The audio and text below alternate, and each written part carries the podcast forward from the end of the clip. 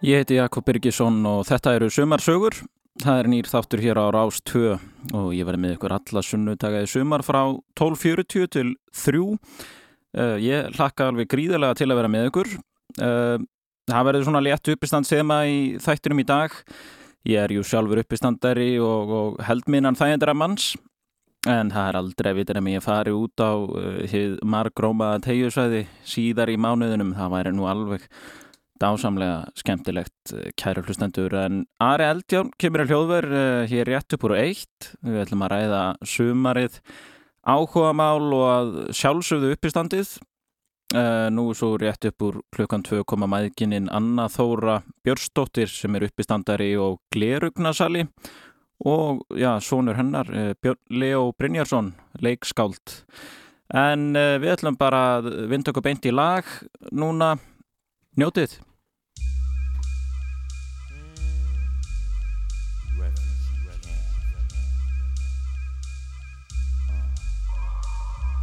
We used to be number 10, now we permanently one. In the battle, lost my finger. Mike became my arm, pistol nozzle hits nasal. Blood becomes lukewarm, tell them, oh my, be easy now, squeeze this shaman. Test why cleft, see that flesh get scorned.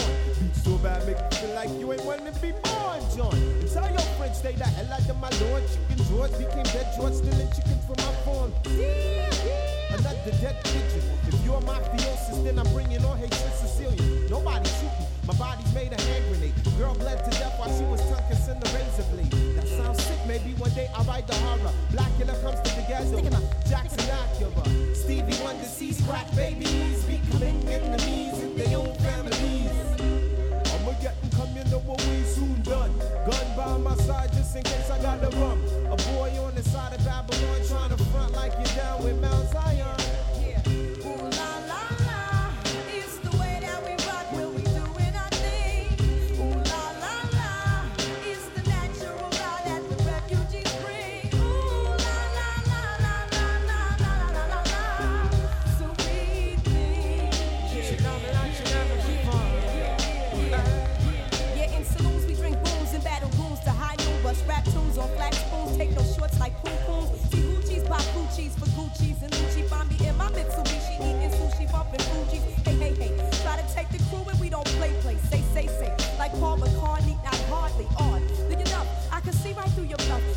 and they puff, but they can't.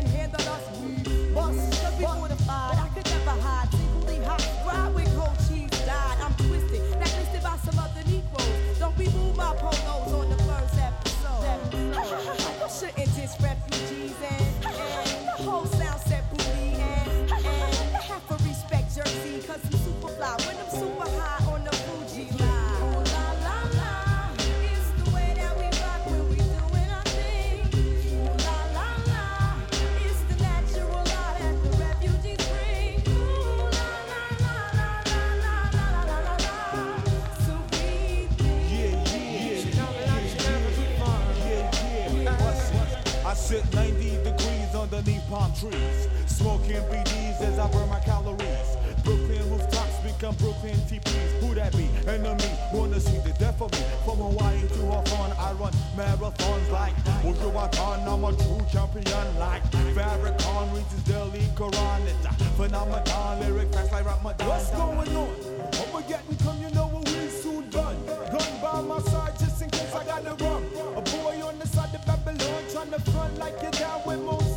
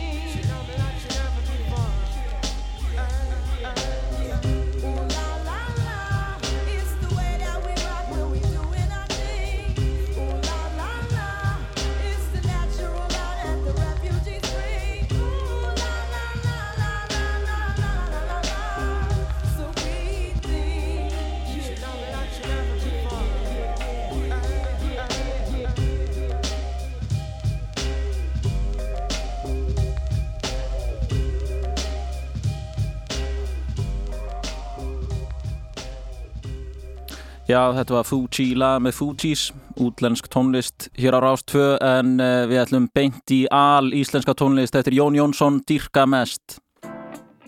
Góðan daginn, þetta ekki djóka, þetta er gamla góða gula upp að spóka sig. Allt í góða lægin, já allt í blóma, þó að sólinn hverju fæ samt að horfa þig. Þú ert þó að finna leið. Ó, ég finna leið. Bara líður að það vel. Þegar ég er með þér. Ég dýrka þegar sólinn fer að skína. Ég dýrka þegar blóminn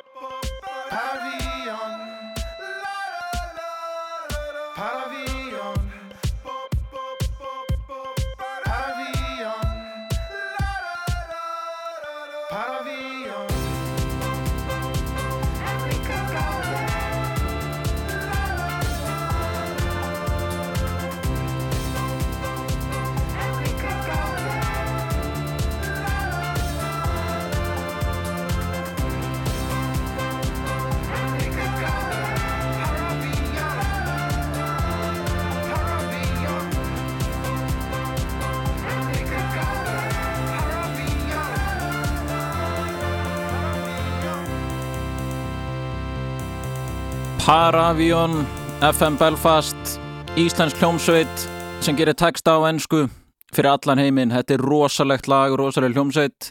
Þú ert að hlusta sumarsögur, við ætlum í smá auglýsingar og síðan kemur Ari Eldjárn hingað til mín. Rástfö, fyrst og fremst.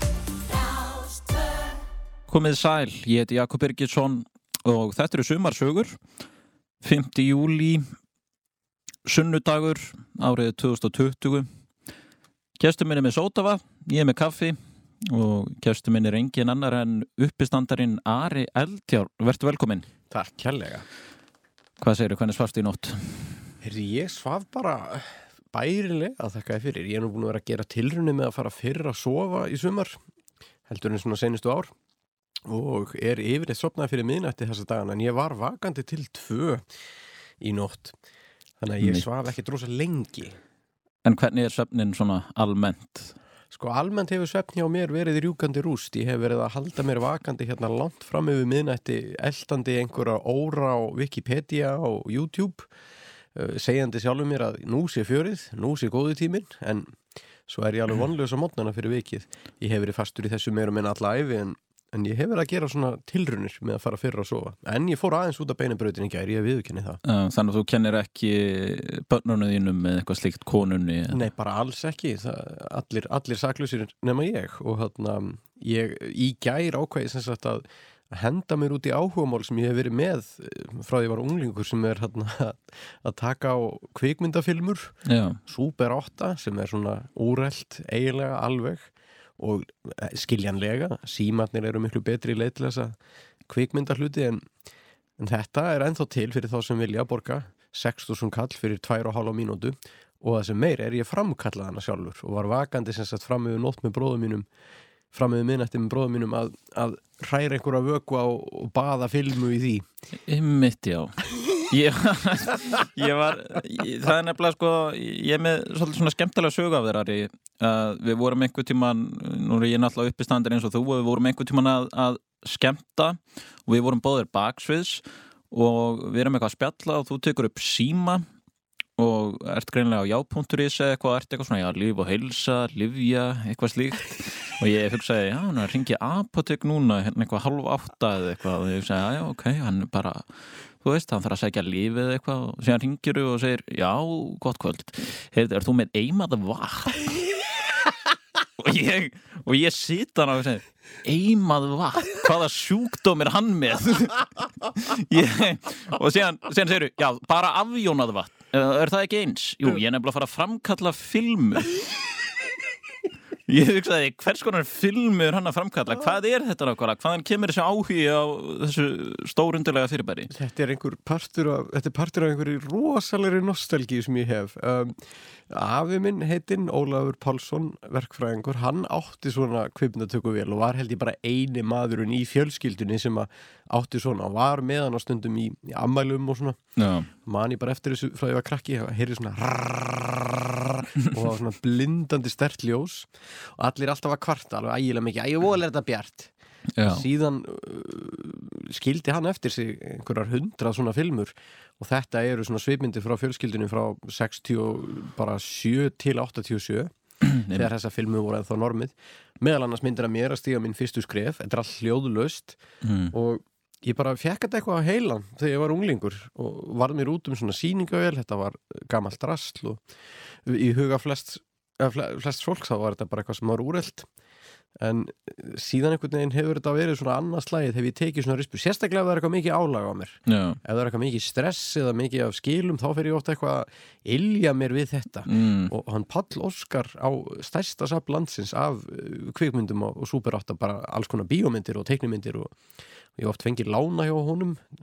En ég tek yfirleitt svona uh, þvílíka rispur í þessu og ég fór eiginlega alveg yfir striki núna í hérna, samkomubanninu þegar að þegar ég og þú og fleiri grínistar Einmitt. voru bara meir og minna heima hjá sér Mm. þá hérna þá fór ég bara að læðist á eBay og fór að kaupa mér einhverja framkvöldunargræðir ég ákvað, heyrðu, ég að eða ennþá tíma í þetta og ennþá meiri pening Og hvar fegstu þetta? Frá hverjum? ég, ég fekk framkvöldunar tankin frá uh, Rússlandi, hann, hann var framleitur í Sovjetríkjónum sálugu Einmitt uh, ég fekk myndavel frá Þískalandi þetta kemur svona hérðan og þaðan en síðan kom náttúrulega engin postur í einhver, einhvern mánuð sko því það var svo hæg afgreista til landsins mm. út af því að meira og minna allt flug lá niður út af koronaveirunni þannig að allt í hennu fór að svona dembast inn sendingar svona mánuði setna og ég bara hvað var ég eiginlega að panta? Og nú bara síp ég segið því og þarf að nota þetta. En betur, hvenær sagður að, að, að þessi filmutækni hafi orðið úreld? hún varði eiginlega bara óreldum lið og myndbandatæknin varð almenn þá fór að vera í bóði að vera með sína einn videokameru Hvenær er það? Hvaða? það er bara svona upp úr örli eða svona snemma á nýjunda áratugnum. Já, já, ok. Og minnum mig á að ég væri hérna stattur upp í ríkisúðarpinu Já, örli ein, nei, snemma á nýjunda já áratugnum. Þannig að skýmur málfarsráðunni skammar þig. En þetta á, á sumarið átti ekkert að fara í þetta en það er þetta eiginlega fáránlegt að vera að gera þetta í kringum sólstöður sko því að þetta krest þess fyrst og fremst að maður sé með gott aðgengja myrkri En ertu þá að taka upp uh, myndbönd af einhverju sérstöku? Bara bönnunum þínum eða? Já, bara eitthvað svona tilfallandi sko Já, En þú átt hvað? Þú átt tvö bönn eða ekki? Jú, ég á eina sex ára og eina eins ás þær eru reyndar báðar að verða árinu eldri þær eru ammali með einstags millibili Já, 18. og 19. ágúst þá var það 7 og 2 um mitt, eins og faði minn, 18. ágúst, er þetta ekki afmæli Reykjavíkuborgar líka? Heyrðu, gott ef ekki og hérna, það eru margi fleiri sem er ammali 18. ágúst Já, Ég hef ekki heyrt mikið um 19. en 18. virðist vera ansi vinsall og hún er með flotta kennintölu 18.08.18 það er ekki afmæli Nei, það er doldið nett sko Og hvað segirðu, hvernig pappi ertu?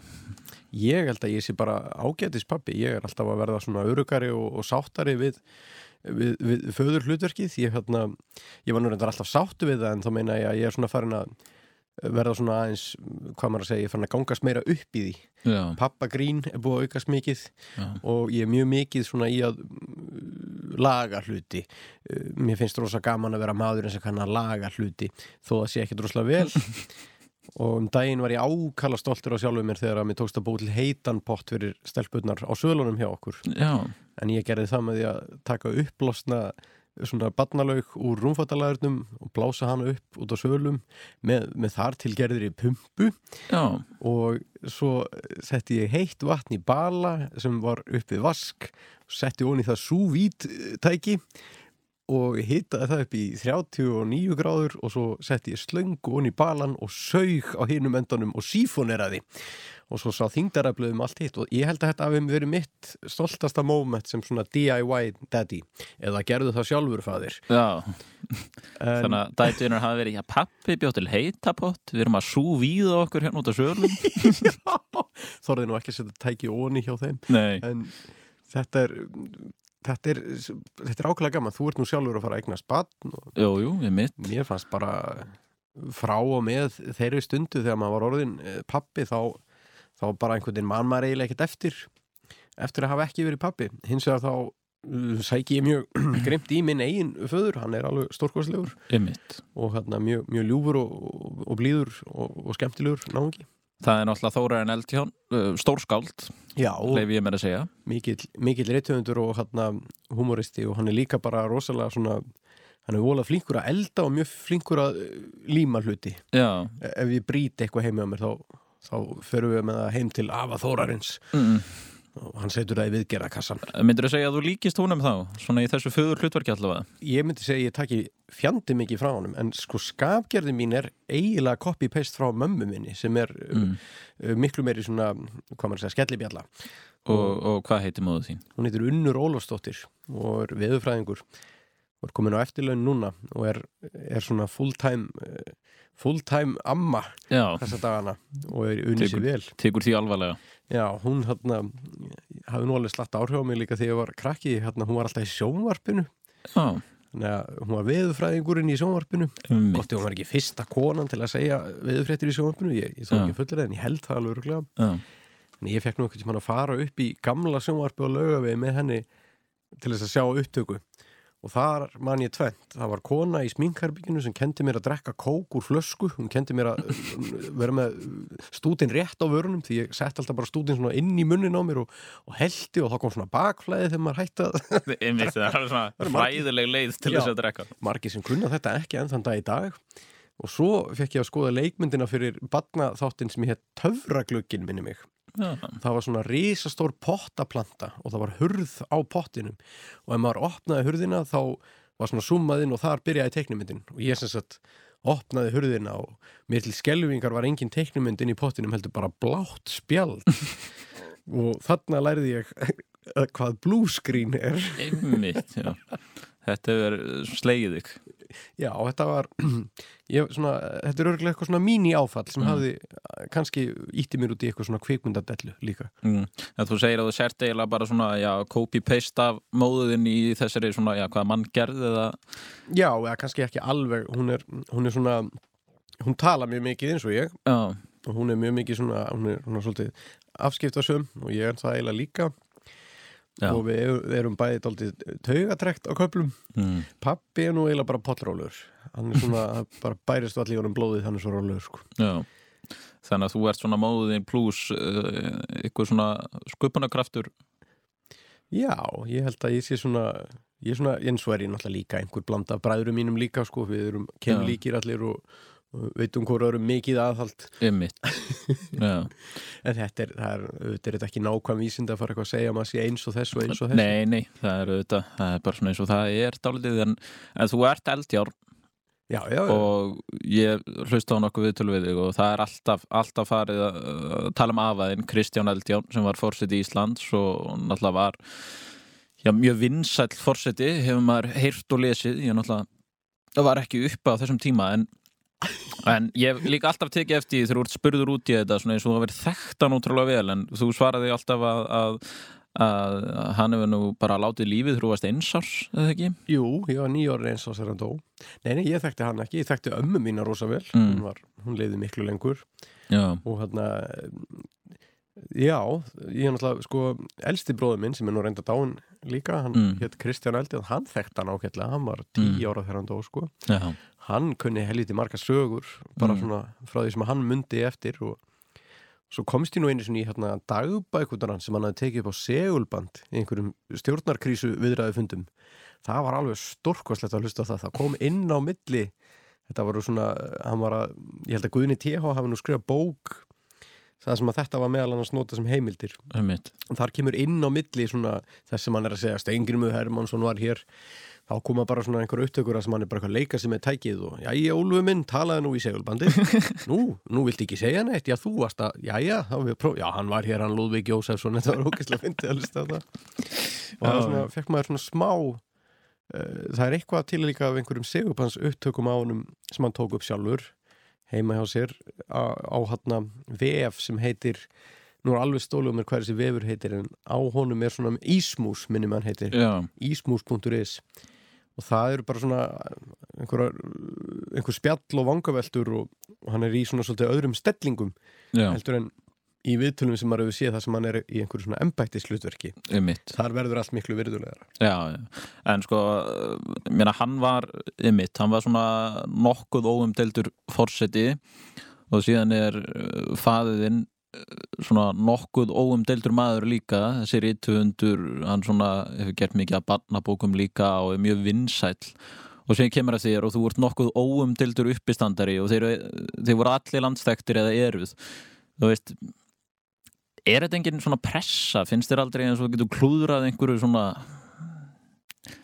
Jú, þetta er örglega einhver gríðaleg pressa inn í hausnum á manni einhver staðar sko. Uh, Uh, ég fór náttúrulega einhvern veginn út í uppistand sem var svolítið svona ó, óplægður akkur já, ég hugsa ef ég hefði byrjað á að reyna fyrir mér með að skrifa eitthvað mm. þá hefði það örgulega verið eitthvað sem ég hefði verið mjög mikið að pæli sko. já, Mhm. hvernig það stendst í samanbörð og eitthvað svona en allt svona er náttúrulega bara í hausnum á manni og mm. ég hef eiginlega bara svona grætt á því frekar en uh, verið með einhvern millustein sko. ég held að það var flýtt fyrir hansi mörgu hjá mér í gegnum árin að, að fólk getur uh, kent mann strax við já, þú ert þá, já, Þóri, já, já emmitt, já, bara tristið þér strax. Þetta, já þetta ættanafni, það er ekkert margir með það heldur, já. Þannig að þetta er svona frekar En þú hugsar aldrei, já, ég sleppi mig að tjá mig um þetta. Það væri, Jú, guð, ég, ég hugsa stanslust þannig. Ég, hérna, ég hef ég aldrei sóst eftir að vera álitsgjafi.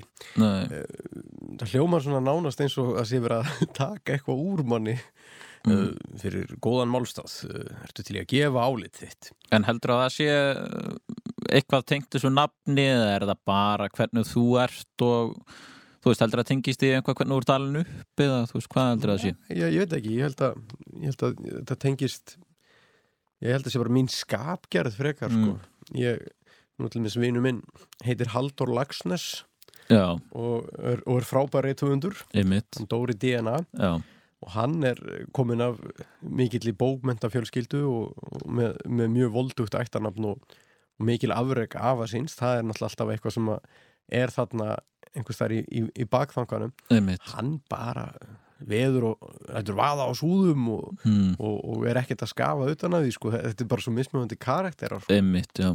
já Þeir eru kannski ekki ekki alveg eins nei, bara alls ekki, hann, hann er eins og líka mömmu sinni. Já, einmitt, einmitt.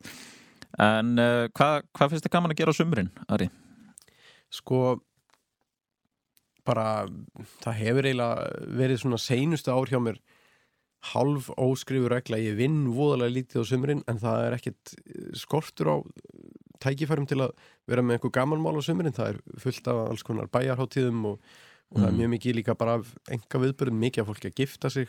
Mm. og uppistandinu orðið bara svona partur því. Og ég, fyrstu svona árin sem ég var uppistandinu var ég var í svona hálfpartin eiginlega ekki með neitt sumafrí ég var svona alltaf með annan fótinn í vinnu. Já, og föstu dagar og lögatar voru meira minna alltaf eitthvað aðeins litaðir af einhverju vinnu. En svona seinustu ár þá er sko júli alveg heilagur eftir að við komumst inn í rytma skólakerfisins. Áttuðu okkur því, herru þetta er bara tímina sem við erum bara í fríi því að það er bara, það er allt stopp hvort þið er. Og við skulum bara gera þann tíma ótrúlega skemmtilegan. Við höfum svona helst haft það að markmið að reyna að fara út eh, einu sinni á hverju sumri þá eitthvað bara einfalt svona praktist upp á fjölskyldu mál að gera. utan landsteinuna Já, já, við höfum alveg dottið í þennan Tenerife pakka og, og ekkit, þetta er ekkit flókið sko. Nei, nei en svo hef ég náttúrulega líka á hverju ári bara frá ég var krakki hef ég farið í Svarfaðadal sem afi fættist og, og bærin sem hann var frá tjötn í Svarfaðadal þar er ennþá ætt fólk okkar sem býr þar og, og við höfum hús þar sem pappa og mamma eiga og, og svo eru sískinni pappa líka hérna með sumarhús allt í kring þannig að þetta er eins og lítið þorp orðið. Þetta er fyrir norðan. Þetta er fyrir norðan, þetta er bara 5 mínútur frá Dalvík inn í Svarfaðadal mitt og það er, við erum að fara þanga núna á föstudaginn og ætlum að vera í tvær vikur. Já, og það er svona okkar uh, svolítið höfustöðar og það er alveg stórkoslegt að vera fyrir norðan á sömurinn sérstaklega á þessum seinustu og verstu tímum uh, eftir að Lúsmi kom. Mm, Lúsmi hefur ekki verið mikið í umræðunni í ár skiljanlega, aðri hlutir hafa tekið meiri umræðu en, en það hefur ekki ennþá borist í Sárvadalinn. Nei, já, mitt, já. Þannig að þeir að reyna að halda þessu lúsmi fríu. Já, við erum í Lúsmi sótkví. Mitt. En þú veist, áttu er eitthvað svona eftirminnileg sumafrí er eitthvað eitthvað, eitthvað sem barn eða eitthvað sem sem fullori maður? Bara eitthvað? sem barn var ég náttúrulega bara mjög mikið þarna. Já, og, og var svo heppin að frændi minn Örn Eldjón sem bjóð tjörn hann hann við vorum uh, mjög mikið saman mm, og, og fleiri krakkar. Mm, og það er svona ákveðin ljómi af Svaradalum sem ég er svolítið kannski endur upplifa alltaf því ég kem þangað. Það var alltaf stemming að koma þangað og, og vera þar dálítið lengi og, Já, og þurfa svolítið bara svona að finna sér eitthvað að gera. Um mitt við vorum mikið að smíða kofa og við vorum mikið líka að horfa upp á landbúnaðin í kringum okkur og reyna að herma eftir honum. Við smíðum hlöðu einu sinni um mitt og gerðum okkar besta til að búa til blásara hann var reyndar handsnúin og blés ekki miklu. Hvers konar blásara? Eða svona heiblásara Já, það var alltaf aðal dæmi þá var búið að slá og, og, raka og þurka og svo var heginu mókað inn í blásara og blásið inn í hlöðu eða, eða hvort það fór inn í bakka vil ég man ekki hvernig það var lengur. En við vorum bara eins og einhverju litli framsóknarmenn sko bara reyna Já, búa til okkar eigin, eigin litla landbúnaðarkerfi í einhvers konar lögg og bóa kúreka leik einhverjum sko. já, já Og hvað, er, er ykkur búskapur þarna eða?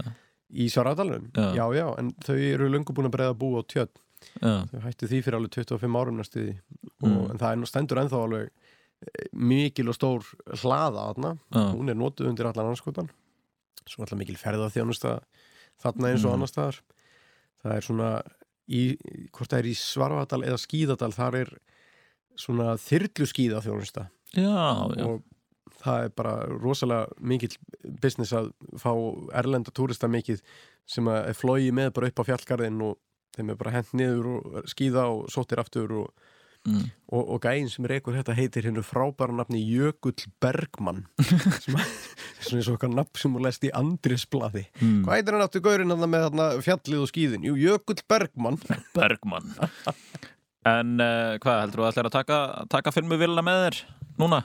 Já, ég ætla að taka með mér eina Kodak Super 8 uh, filmu Mm. uh, 100D uh, Daylight Balanced filmu hún er ektakróm filman Kodakróm er ekki til lengur sem að Pól Simon söngum Einmitt og ætli ég taki ekki eitthvað þrjár sekundur í einu, fjóru sekundur í einu fimm sekundur í einu, þetta er svo dýrt sko. Já, einmitt, þannig að þú tekur bara svona örstuð skot Já. og rosalega stutt og ákæla stressað allt. Einmitt. Um, Ég veit að það voru svona nokkuð mikill ákvæða maður en tónlist er það ekki? Jú, gríðalugur og veist ímislegt um, um alls konar tónlist. Um, ég fekk þið til að velja eitthvað lag til að spila. Mm -hmm. eitthvað sem við finnst kannski gott að hlusta á saman hvort það eru sumrin eða ekki. Jú, ég valdi sumar lag það er Já. lag sem ég spila nú eiginlega alltaf þegar kemur svona bongo blíða ég veit ekki Já. hver fann þetta upp að kalla bongo blíða þetta hljómar eins og einhver sem er með ákala einfalda heimsmynd Mm. þar sem er heitt, það er bongo bongo en þetta er lag sem er mjög gaman að sitja á fónin þegar að það kemur svona bakandi hitti og steikandi sól Já, og það er með Roy Ayers og heitir Everybody Loves the Sunshine já og hvað, síðan hvernig er þetta lag? Þetta er frá 8. áratögnum og Roy Ayers var svona jazz og er held ég en ég veit ekki um held Nei. þessi jazzpianisti svona funk, fór út í svona Mm. mikla funkpælin gerði mikið af kvikmyndatónlist meðal annars fyrir myndina Coffee með þarna Pam Grier Já, sem er stórkosli mynd en þetta lag finnst mér alltaf það er eitthvað svo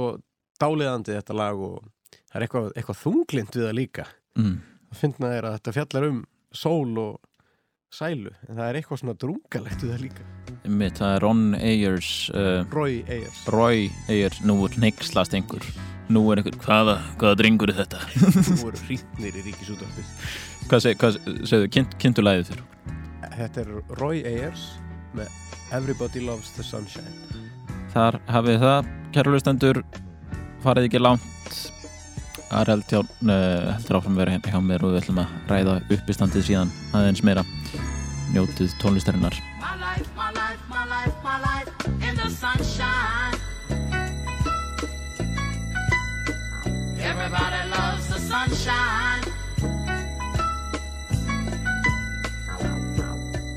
Sunshine.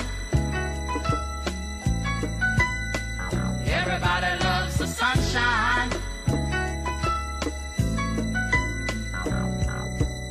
Sunshine.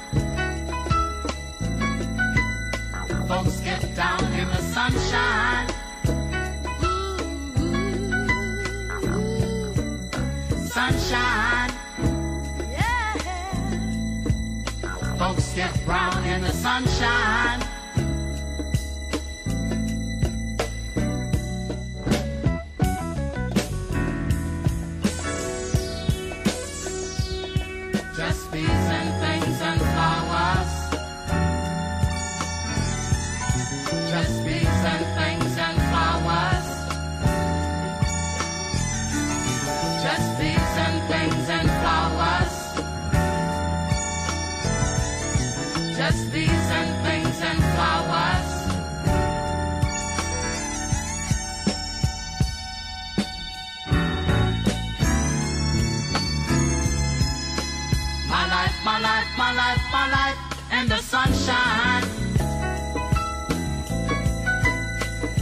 Everybody loves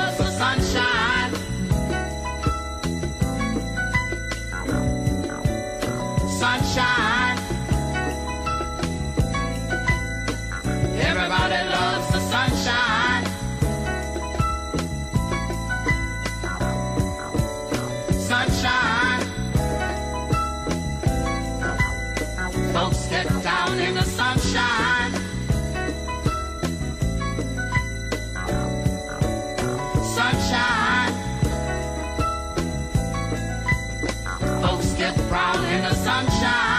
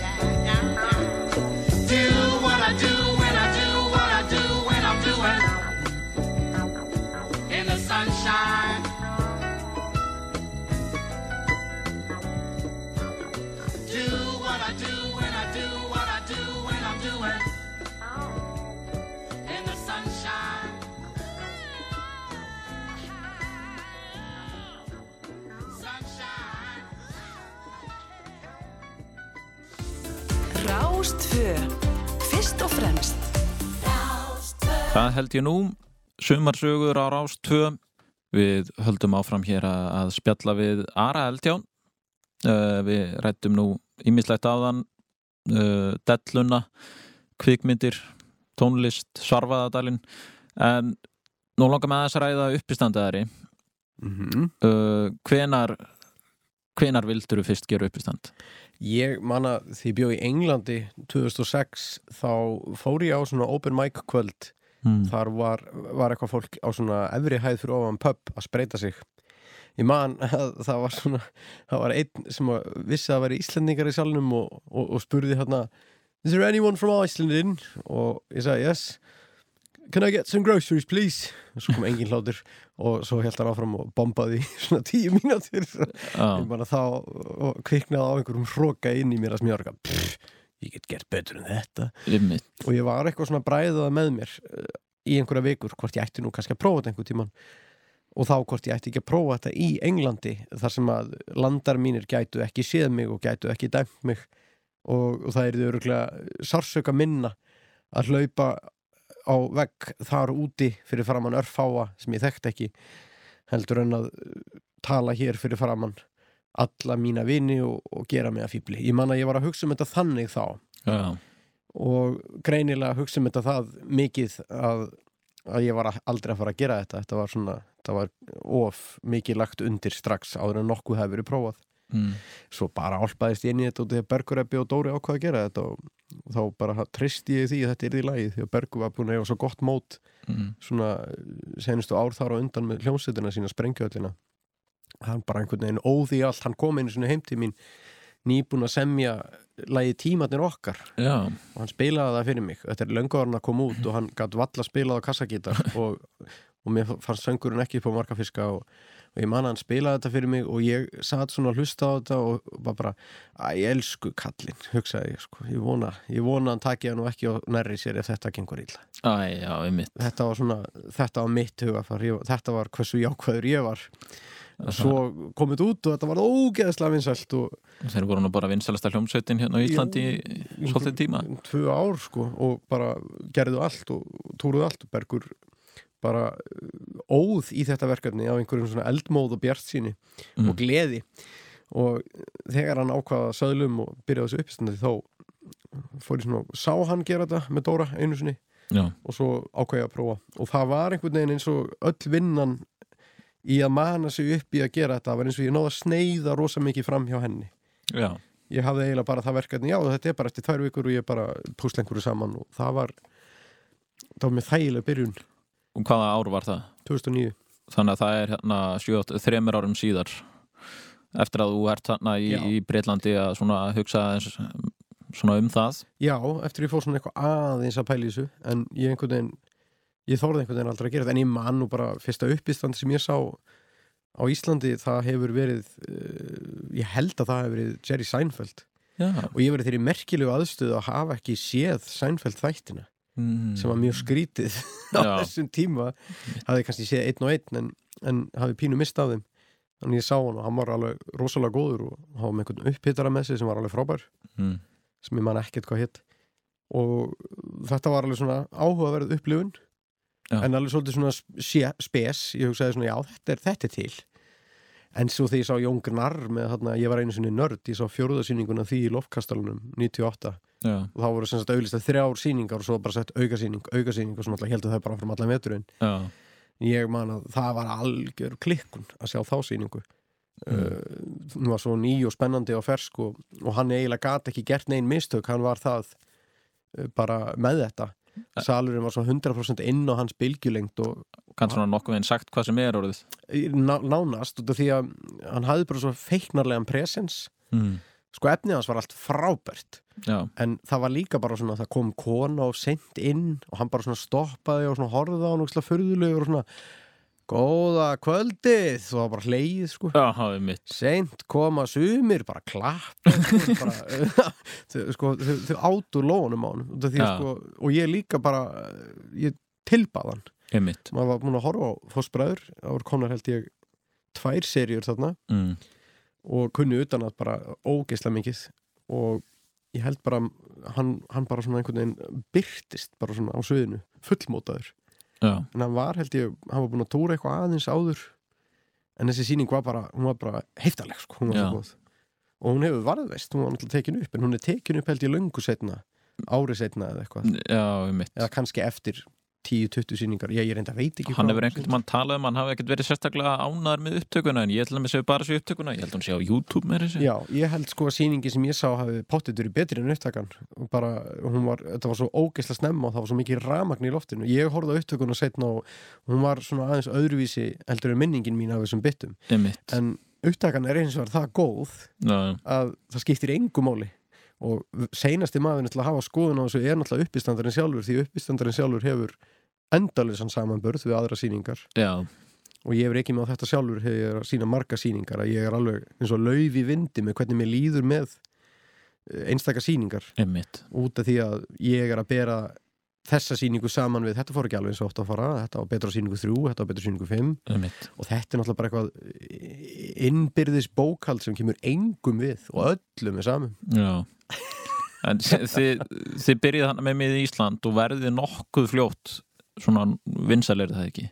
Við byrjum með reglulega sýningar í þjóðleikusinu svona ári setna mm. en það er svona fyrstu tvö árin var þetta svona annars slægið Já, og vorum svolítið að leita okkur að samastað fyrst, við vorum á Prikinu vorum á og, og, og Karamba mm. sem er gamli 22 og Já. síðan á batteríinu. Ja, batterí sem heit batteríð já, brann held ég að setna já, þannig að við vorum svona smá uh, flökkuhópur og það var svona ákveð skref líka þegar við hættum að hafa frýttin og byrjum að rukka þá minkaði aðsóknin fyrstum sinn og við höfum miklar áhyggjur af því að nú gengum við á land nú erum við búin að stoppa er, við erum búin að misbjóða fólki. Fólk lætur ekki bjóða sér þetta. Og þeir voru, þeir voru með þessar sýningar uh, gangandi þeir eru ekki með þessar sýningar ennþá. Jú, við komum nú alltaf saman eh, á hverju ári en þessar eh, kjallara sýningar eh, þegar mest var voru við farin að vera með 80 sýningar á fjórum mánuðum. Einmitt. Og það var bara orðið dálítið hefi að vera á, eftir miðnætti alltaf að koma heim alla föstu dag, alla lögadag Já, og setti svona, e, bara eftir því sem bönnum í hópnum fjölgar, þannig að bara verður þetta svolítið. Og þeir voru fimm þarna saman. Já, Og- og, og reyndar Bergur flutti nú út í þrjú ár. Já, hann var stundum að fljúa og taka eina eða tvær helga með okkur en svo fengum við mjög mikið gestum líka og mikið erlendum gestum. Mm. og það var náttúrulega alveg heilmikið æfintýri en við höfum öruglega eftir að gera eitthvað meira í þjóðleikuskjallarunum en ég held að sé vera að taka hann í gegn núna og gera hann aðeins glæsilegri. Og að svona comedy seller, þetta er í raun og veru hinn íslenski comedy seller Já, en svo náttúrulega er komin frábær green klúbu líka sem heitir Secret Seller mm og er svona grassrótar klúbur alveg í gegn byggður upp bara af, af svona fasta hópi sem kemur þar fram mjög reglulega. Já, en síðan hefur hann verið með meira en, en með í Ísland bara, ég meina þú þú varst með Sinfoníunu hljómsveitinni. Já, það er Eldján og Sinfó. Já. Hvernig, hvernig kom það til?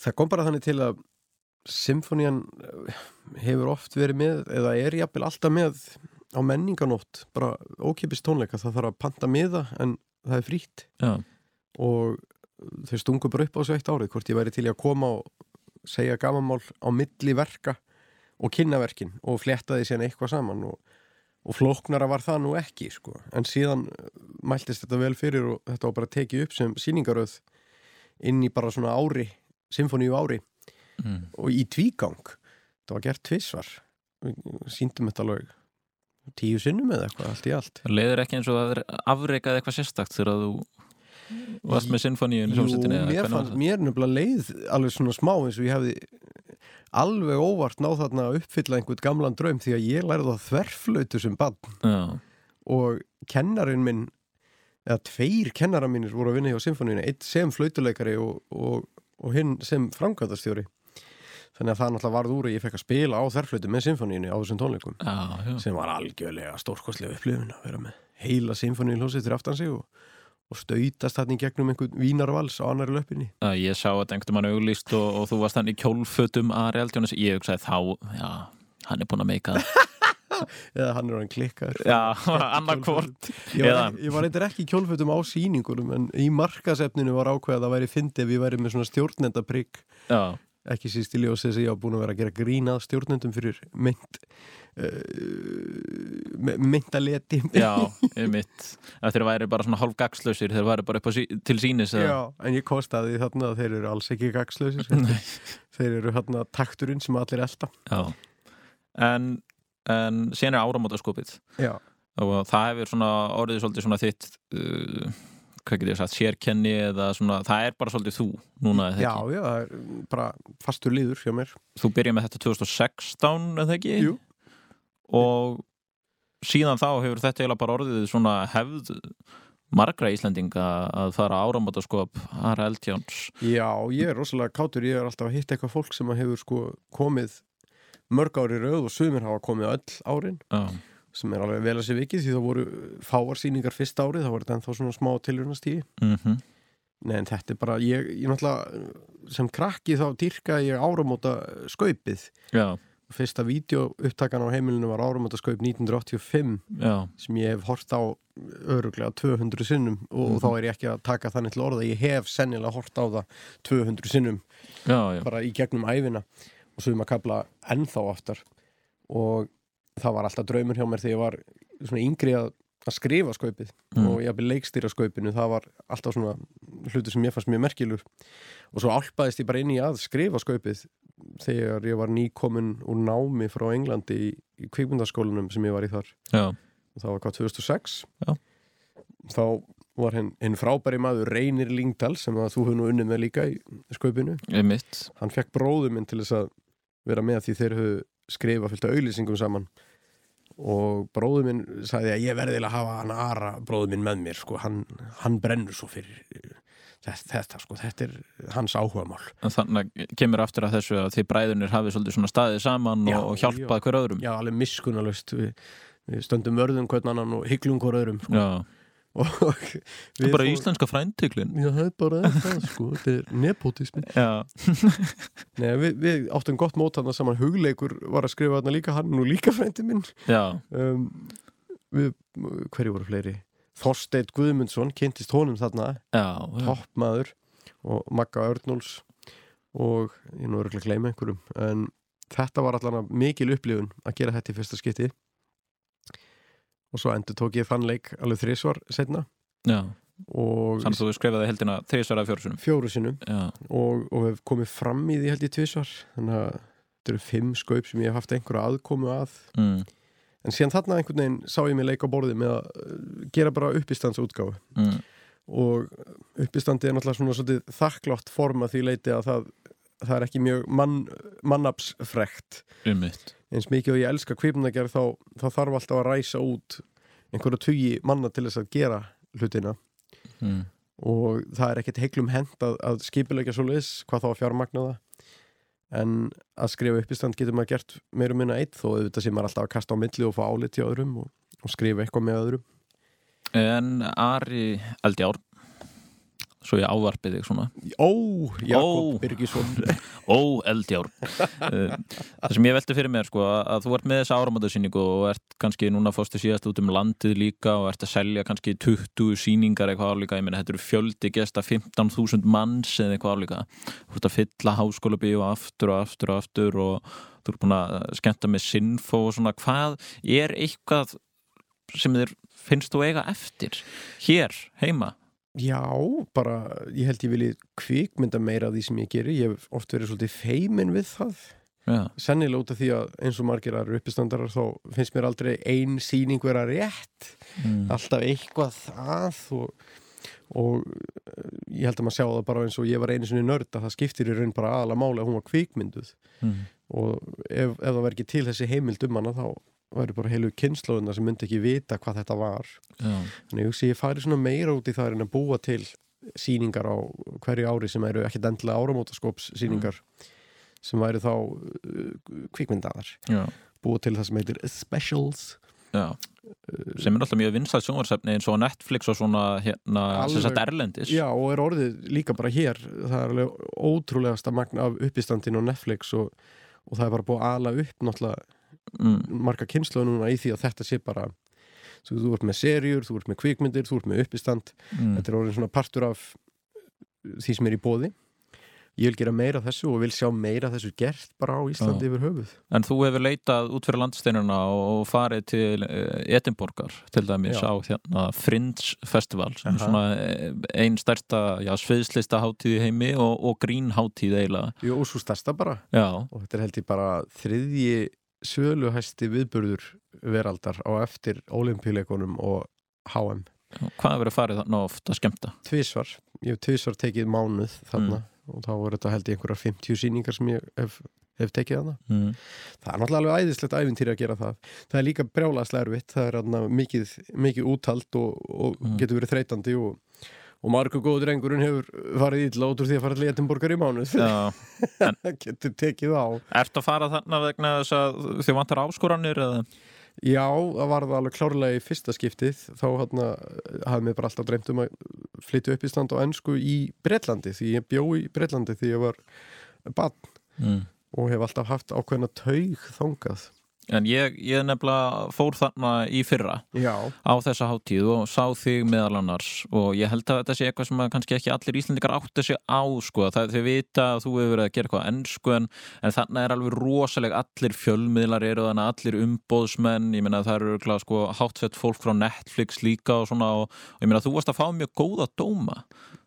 Þú varst að fá fjórar stjörnur þarna frá alls konar blöðum og svona. Já, var gríðarlega. Bara svona heppin með hvernig það lendi. Fyrsti dómurinn sem ég fekk, fyrst ári sem ég fór hann byrtist eftir nokkra dag og það er nú bara menn þakka nú bara fyrir að fá dóm því þetta er svo mikið magn Já, af sýningum og blöðin og þessir hefðbundu prentmiðlar eru eiginlega meira og minna hættir að senda mm, gaggrindu því það bara kosta pening. Já, þannig ég fekk dóm og fyrsti dómurinn manni sem ég fekk hann var þrjár stjörnur og var svona meh dómur. Já, ég manni, ég var mjög fúllið við því og bara tók það bara mjög inn á mig. Síðan fekk ég dóm sem var fjörastundum dómur í stóru, eða stærsta dagblæðinu Skottsmann og það var alveg bara svona rosalega vinnveittur dómur og Já. ég náttúrulega bara mjölkaði það eins og ég gat og, og spurði mennin á komedi klubnum hvort að það væri hvort það væri ekki sniðut kannski að setja fjórar stjörnur á plakkat og þeir bara, uh, jú. Bara velkomin í bransan. Það er Já. bara sem þetta gengur út á. Já, um síðan því ég fór sko í setnaskipti þá spurði ég, já ég er náttúrulega ekki komin eitt dóm á þessa. Nei, þú setur fjórastjörnum frá því seinast. Ha, má það? Já, það gera það allir. Það vita allir að það eru bara þú hefur fengið fjórastjörnum einhver tíman og það þýðir að þú sért góður. Já, það skiptir engum máli þó að sé ekki og svo ef þú fer fjórastjörnum verið þess eða fimm þá setum við það svona prentað út bara Mm. svarkvitt og límt yfir þá veit fólk að það eru nýja stjörnur, nýja stjörnur Já. og þeir voru alveg trítilóðir sko Þetta eru stjörnóðir menn þannig Já, og þe- þetta, bara, þetta verður að svona sér efnahag þetta Já.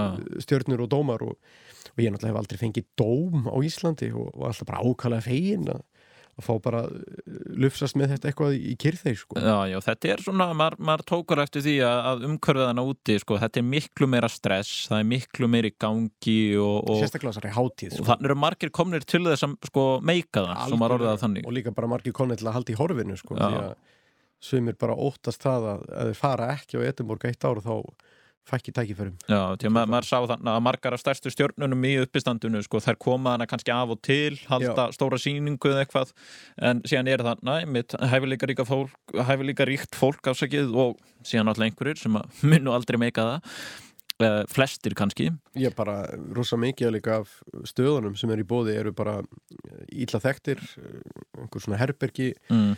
inn í húsi við hliðin á bar mm. Og erfitt aðgengi og bara mikil samkeppni. Og ég man að setna skipti sem ég fór, það var rosa gaman líka en þá var ég í starri sal og það voru miklu fleiri sýningar heldur en Mm. tveimur árum fyrr.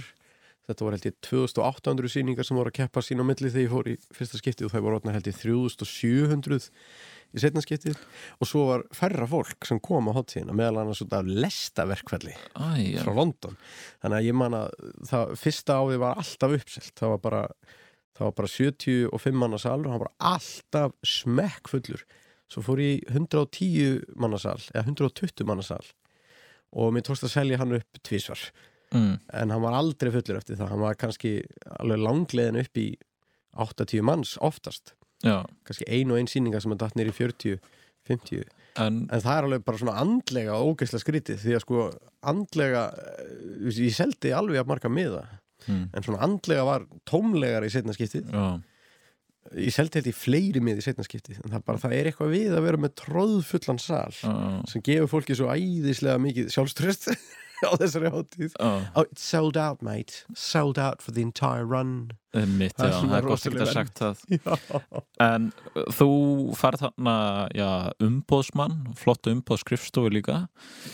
Uh, Mick Perrin. Já, Mick Perrin mikill sóma maður sem hefur hérna gert allan anskotan, hann hefur nú unnið mest með Eddie Izzard sem þá túrpromóter sem var nú bara einn ein svona þekktast uppistandari heims og er. og er. Og, og mikill, mikill velgjörað maður Íslendinga. Við hittum hann nú saman Já, já. mitt, var og hann nefndi að tala við okkur í tvo klukkutíma.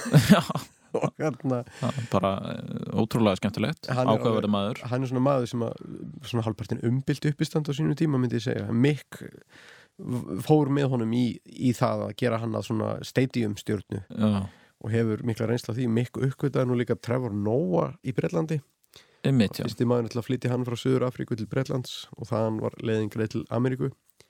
En hann hefur svona sérhæft sig í því að sapna erlendum uppistöndurum og, mm, og tala máli þeirra. Einmitt. Og svona koma, koma mann í sjónvarp og, og hitt og þetta. Mikill, mikill öðlingur og öndvegismadur En en þeir, nú náttúrulega er allt stopp hjá öllum í hans geira. Hans geira náttúrulega fyrst og fremst að búa til live sýningar og það bara það verður ekkert út þetta ár held ég í Breitlandi nei, en þeir var eh, líka einhvern tímann búið til Ástralíu þegar ekki, þú varst uppistandshátt í þar. Já, Melbourne, það er bara, hún er svona uh, sýsturháttíð í Edinborgar. Er það ekki það sem er sagt svona invite only eða, eða uppistandur með bóðið að Jú, koma? ákveðnum hópi af erlendum uppistöndurum er bóðið á Mm. hátíðina, ég var einn af þeim. Já. það er voða næs. Þá, Mm. þá þarf maður ekki að auglýsa sér sjálfur. Nei, þá sér hátíðin bara um það það er náttúrulega algjör luxus þjónusta í Edinborg sér hverjum sér sjálfur. Já, ég fór sjálfur að segja plakkut úr prentun og, og þurfti bara óta mínum tóta og tróða mér. Mm. það er eiginlega merkilegt hvað mér gekk vel á fyrstu hátíðinni með við það að ég var ekki með umbóðsmann já, en það spilaði nú alveg svolítið stórt inn í að ég náttúrulega var með sýningu sem hétt Pardon My Icelandic. Mm, og Ísland var náttúrulega bara búið að vera skýt trenda í Breitlandi í bara mörg ár. Einmitt, og þessi sigur á móti England í fótbolta ári áður einmitt. var nú eiginlega svona rúsinan í pulsuendanum þar. En hv- hvað langaði að gera Erlendis? Langaði líka eitthvað til Bandaríkina eða langaði að verða stóri í Bretlandi eða ég mér langar allan að bara að, að vera með lifandi einhvers konar hliðar feril mm, í Breitlandi og jú, jú, það verður alltaf voða gaman líka í bandaríkjunum, en ég hef nú alltaf verið hálf ragur við að fara eitthvað að flytja. Já, þú er ekki tugsað um það eða? Jú, jú, eins og hver annar. Það eru margir sem gera það og margir sem að flytja til London og, taka þetta bara alla leið og eru bara að snappa og, og koma sér í sjónvarp og, og óta sínum tóta. Já, Svona úr því að þú ert orðin, ég meina þú ert svona eh, eiginlega svona vinsælast uppistandri á Íslandi, ég meina þetta eru nokkur aðrir og svona en, en ég meina þú, þú ert eh, sá sem að selur kannski mest og fólk fer mest og sér þig og svona, ég meina langaði ekkert að gera það samúti? Jú, mér langar að gera eitthvað og mér langar náttúrulega helst að gera eitthvað sem að vekur aðtegli úti jákvæða og þetta er svona blönduð tilfinning sko. ég væri alveg til í ég var alveg til í mikla velgengni Já. en ég er ekki til í að leggja neitt eitthvað æðislega mikið á mig til þess að ná því fram Svo ert ekki reyðubúin að að flytja og Nei, og það er aðeins að minka í mér þólið fyrir að ferðast ég hef alltaf verið rosalega graður í að ferðast hmm. og spilar þar inn í að ég var flugþjótt og er vanur að gunna brautina einmitt fara út, koma heim, fara út, koma heim og, Já. og rosalega svona það er svona stór partur af minni sjálfsmynd er að ég sé einhvers konar alþjóðlegur ferðalangur. En þú ert svona einhver hasarmaður það er eins og þú, það er eins og þú sækist í stress. Já, já, ég hef alveg gerst sekur um það ítrekað. Maður hittir í stundum einhver staðar á einhverju giggi eða eitthvað og þá segir við, já ég var að keira hérna, ég fór að kirkjubæða klaustur út, ég var að skemmta í gær og ég hef með dóttu mína og síðan, síðan kom ég hingað í bæinn og skemmti leikskólakennurum og síðan fekk ég mér að borða, síðan er ég komin hingað og síðan tók ég sjó hérna í kærum netið fyrir eh, skota, ég meina hvað Já, já, svo fekk ég minka mjög mikið sko, það var þannig að mér fannst rosalega töff að sapna bara giggum, bara ég tók sjö í gær maður, húf, Mm. flottur kallinn sko, en ég er hættur að gera það. Ég, hérna, ég get það ekki lengur. Nei, það er bara, ég hef ekki hjartað í það sko. Nei. En það var, það var á einhverju tímpúti manni að ég, það gerist fyrst var ég tók nýju gigg á einum degi. Já, já, og það var, ég var farin að bæta við mig bara eins og ég gat til þess að reyna að slá eitthvað met held að metið hans Ómars Ragnarssonar hafi verið átta. Já, en að það var í færium ég held að þetta hafi verið eitthvað Já. flugþangað Já, ok, Nei, en þa- mér er alveg saman þetta núna sko, þetta er, þetta er stemmingan en þetta er, er bara mikið stress og svo bara hættulegt að kera sér svona rætt. Einmitt Þú vilt, þú vilt ná að vera lengi í þessu. Já, sko, er líka eitt sem ég teki eftir þegar ég hef skoðað upptökur á sjálfum mér þegar það hefur verið svona hasar í gangi. Mm. í minningun er þetta rosa stuð en síðan þegar ég sé upptökuna þá sé ég, tala alltaf rætt og þannig að er ég bara alltaf æstur. Já. Þannig að það er, núna er ég farin að reyna að ná mér svolítið niður fyrir sýningar og, og svona gera öndunaræfingar og Já, drekka te. Þú erum svona einhver jókastrákur sem fer með gamanmál. Já, að sjálfsögðu, auðvitað það maður að vera þannig. Já, núna þarftu bara að verða Instagram stjörna líka. Ég held ég hef ekki taugar í það. Ég, ég, ég, ég verð svo stressaður ef ég posta einhverju þá, þá er ég að fylgjast með því bara Já. í tvo klukkutíma eftir. Hvernig gengur þetta? Hver En- er uppskeran? Nú er ég líka uppistandari og ég fæ alltaf hérna sömu spurningunum viðtölum sem að er svona dálítið óspennandi, það er alltaf þetta með versta gigið og versta hefur þú bombað hefur Já, og, það. og allir hafa því allir hafa lent í einhverjum leiðilugum sal þar sem er fullt af fullu fólki og síðan því lengur sem maður er uppistandi þannig lærir maður á þetta og kemst hjá þessu nokkuð veginn sko, og, og ég held að það sé bara sama að segja með allu uppistandir í heiminum en mér langar að vita sko hvert er besta gigið þitt? Ég bara þakka þér fyrir að spyrja að þessu Jakob því að þetta er spurning sem ég fæ afa sjaldan. Ég hef nú fengið hann einhver tíman besta gig mitt allra tíma er gig sem ég tók fyrir félag íslenskra köruboltadómara lítið gig eh, sem var held ég bara á lækjarbrekku í kornhlöðunni, eitthvað svona þetta var bara þetta var það besta sem ég hef gert. Og Ég- hva, hvað var svona gott við þetta gig? Ég bara, ég var að spinna á staðnum sem ég geri ákallega sjaldan en það gríðalega ragur við allt sem ég kann ekki. Já, og, og það var allt að uh, fara stöngin inn eða, eða gjörðin inn. Mm, fyrst við erum að tala um köruboltadómara já, og já, ég, ég bjöll einhverja romsum Pétur Guðmundsson sem spilaði fyrir held ég leikars ég, ég veit ekki einu svona hver það er. Nei, mitt það, ég, ég var svona að giska og, og það var að ganga upp og á, ég get ekki líst því en ég fekk bara á tilfinninguna þegar ég var búin að skemmta þessum hóp bara vá hvað þetta fólk þurft að hlæja. Já, þetta lítur að vera hrikalega erfitt starf að vera körfuboltadómari. Og þú hefur bara uh, fengið klapp og Já. þetta var, nei, þetta var bara eitthvað þetta var bara eitthvað ramagn sko. um, ég vildi að þetta hefði verið tekið upp. Einhver tók það reyndar upp og síman sinn og sendi mér. En Þetta var alveg svona, þetta var galdur. Og miklu eftirminnilegra heldur en einhver lélegik þar sem að maður gaf hann gröð slappan og einhver var með læti og, og, og, og mikrofónin bilaði. þannig að þetta voru voru körfubolta dómarar Já, en, en sko, þetta er líka rosalega oft þegar maður sér uppistand tekið fyrir kvikmynd, það er rosalega oft einhver síndur, eitthvað reykas í vörðurnar og það kemur feedback úr mikrofóninum og, og hosti í salnum og hekl og allt þetta. já, er svo allir þekki þetta rosalega vel úr Mm. svona menningu og, og það er nánast eins og það sé svona þrá hjá fólki til að vita að þetta getur nú farið illa. og best að vera ekkert að reyna þetta. Þetta getur farið illa. Já, en þetta getur bara farið mjög vel líka. Mm. það er, við sendum köruboltadómur um landsins uh, hlýjarkveðjur. En það er loka lagið Já. Uh, Mér langar að leika sumarlag Já. sem ég hef alltaf haldið mikið upp á frá því ég sá það í söngvakeppni sjónvarsins 1987 og þetta lag uh, bara ekki sigur úr bítum ekki frekar en hérna lífið er lag með mótel sem er annað klassísk lag sem kom úr þessari keppni. Einmitt. en þetta er sem sagt uh, Maggi Kjartans með hljómsveitinni sinni hvað hétt hún eiginlega? Hún hétt Bræðra bandalagið Já, og lagi heitir Sólarsamba. Sólar Samba hingað uh, koma til mín uh, já, maðurkinin Anna Þóra og Björn Leo á eftir en þetta var Ari Eldjá takk kærlega fyrir spjallið. Sumulegis. þetta er Sólar Samba Halló, komið all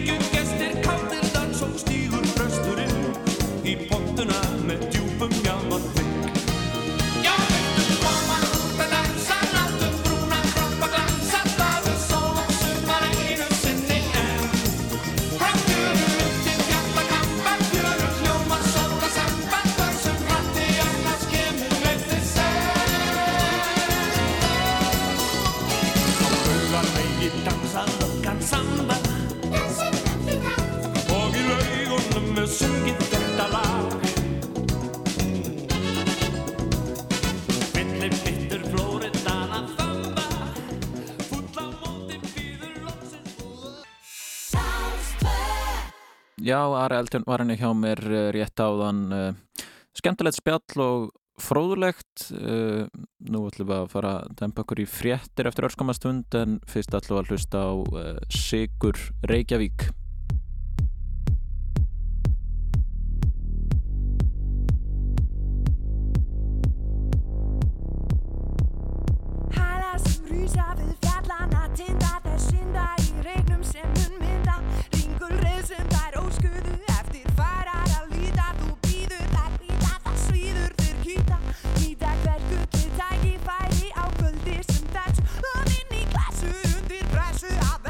sverði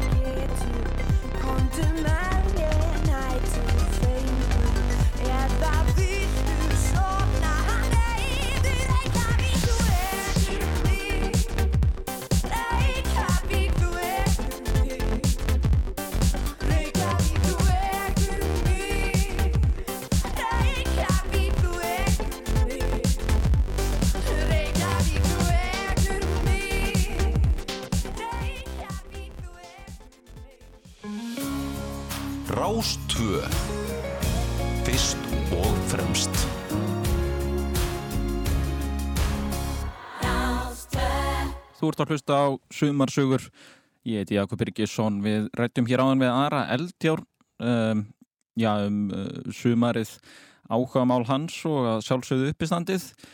En nú er ekki verri gestur komin. Ég var nú búin að auðlýsa á þann að, að mæðgininn Anna Þóra Björstóttir og sonur hennar Björn Leo uh, Brynjarsson kæmi hingað. En Björn forfallaðist eitthvað en það er nú bara fínt, það getur Anna Þóra að tala meira, hún er eh, já, eigandi klirunabúðurinnar sjáðu og uppistandari og já, margir kallanar hennilega bara já, finnustu konur landsins já, verður velkomin Anna Þakka ekki hella fyrir.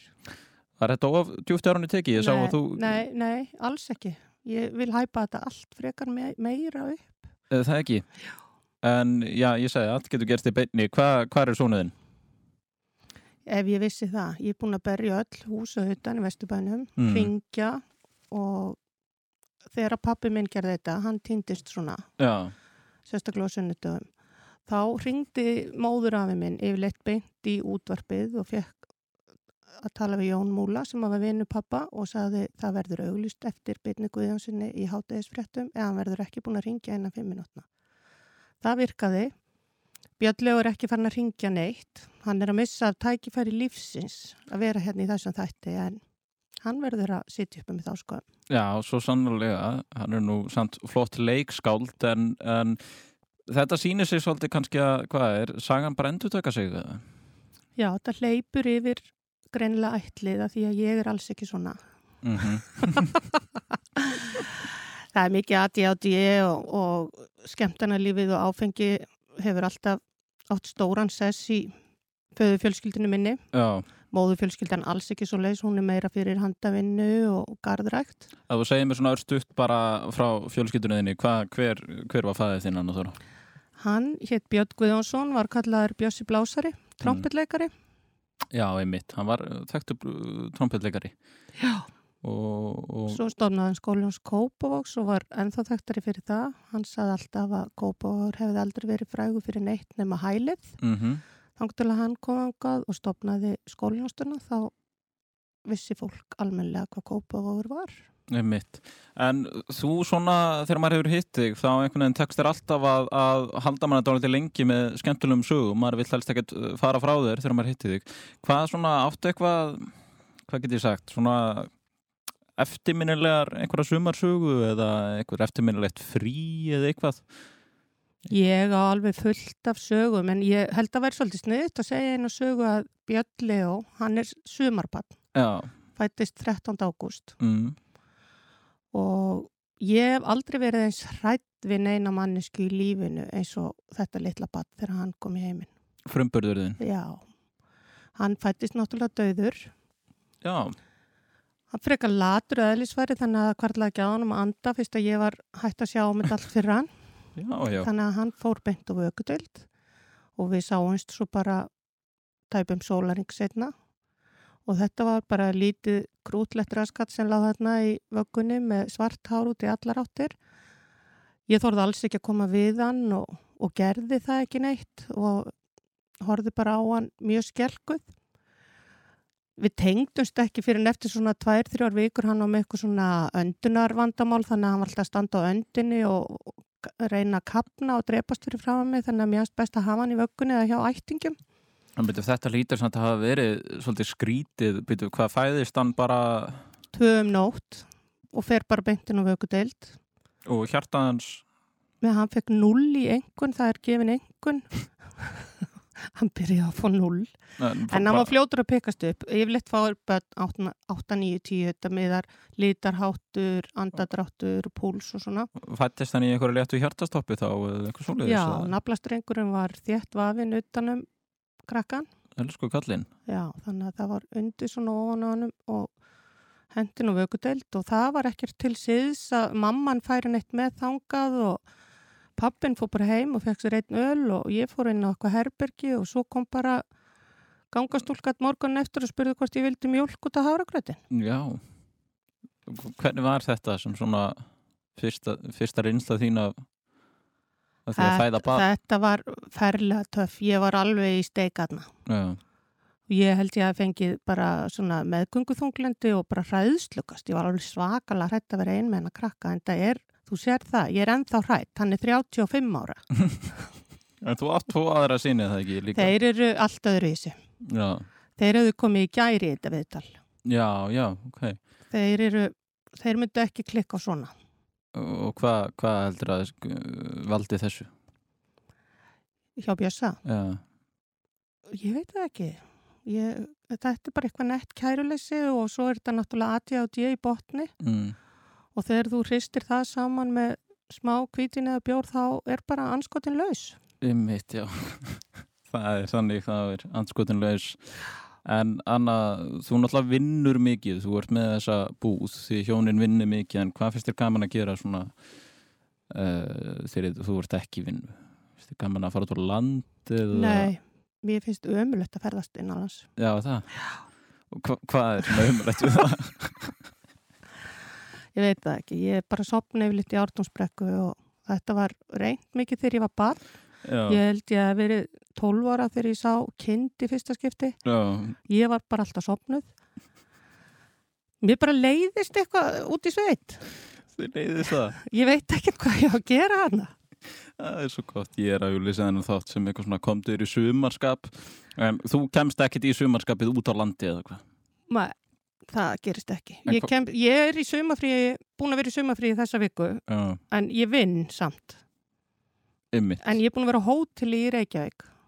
Ertu á hóteli í Reykjavík? Já. Við létum bara aðeins fara að standsetta íbúðun okkar Já, og tjekkuðum okkur inn á hótel hjá Port 9. já, Það er svona mitt annað heimili, já, Port 9 sem er mjög sætu bar, við erum ekkert að segja hvað hann er, að þetta á bara að vera svona lokal. ymmit. Og það er mjög sætt hótel og þetta er bara geggja frí. Já, já. Og, og þú býr þá á hóteli núna eða hvað? Já, og ég hugsi fara að gera svolítið meira af þessu.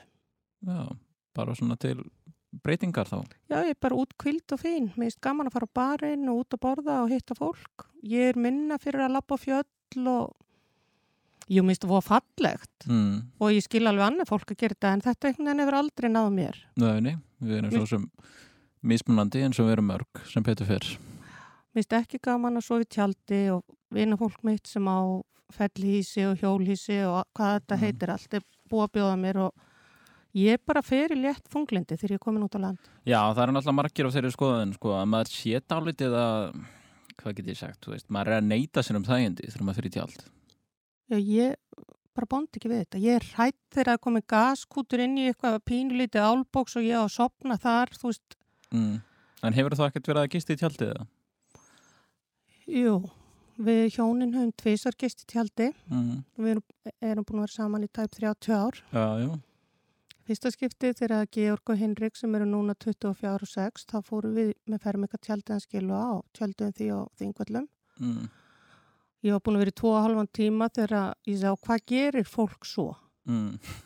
Þannig að þá reyf ég upp tjaldið og hendi því í næsta ruslagám Já, já, og við heimsóttum vinna fólk okkar í sögambústað. Svo fórum við á Stykkishólm. Það eru kannski tíu ár síðan.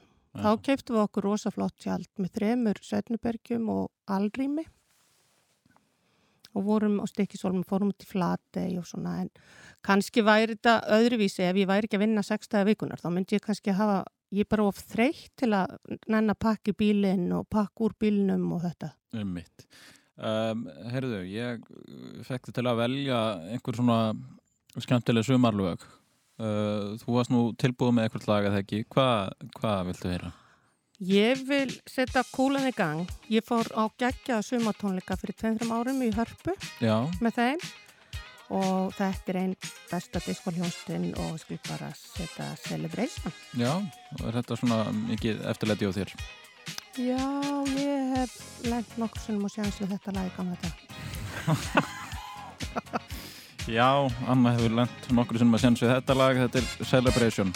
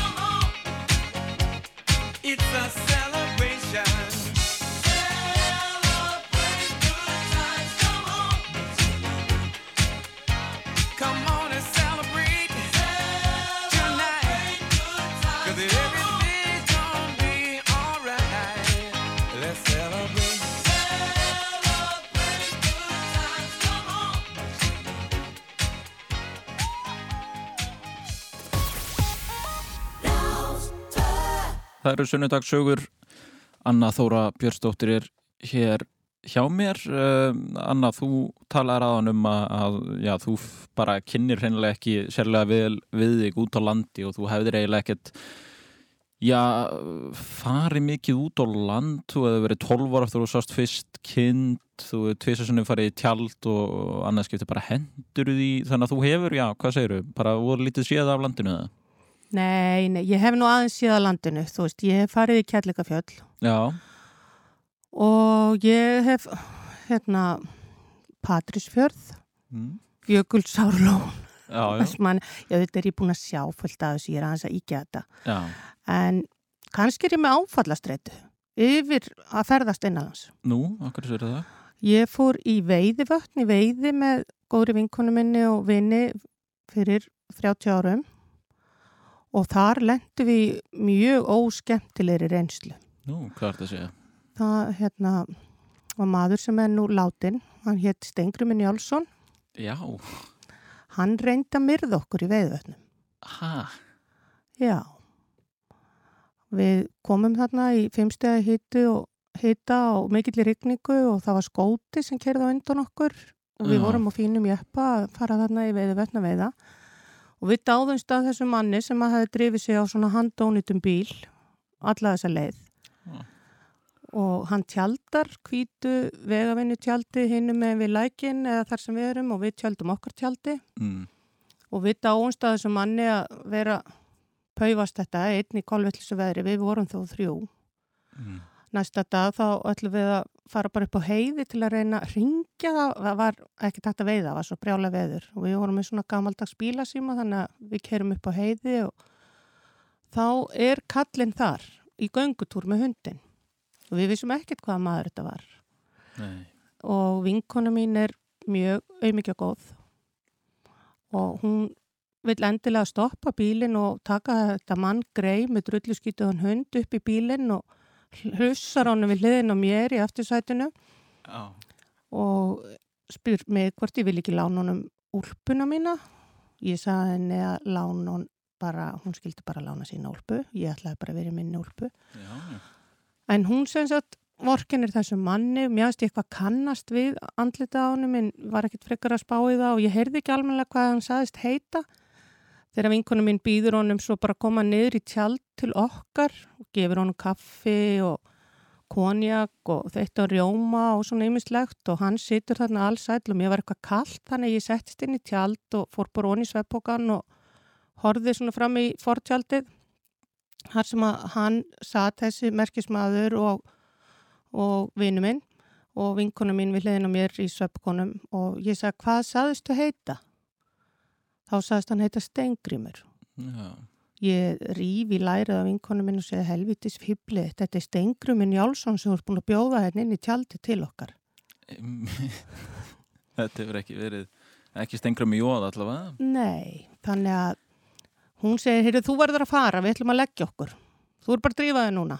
Og hann fyrir allt í henni að fá allt annað attitút frá okkur og rekin hálfportin út úr tjaldinu. Já.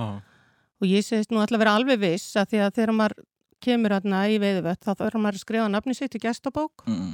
og við förum niður í hérna, veiðiskálan eða hvað þetta hétt. Mm.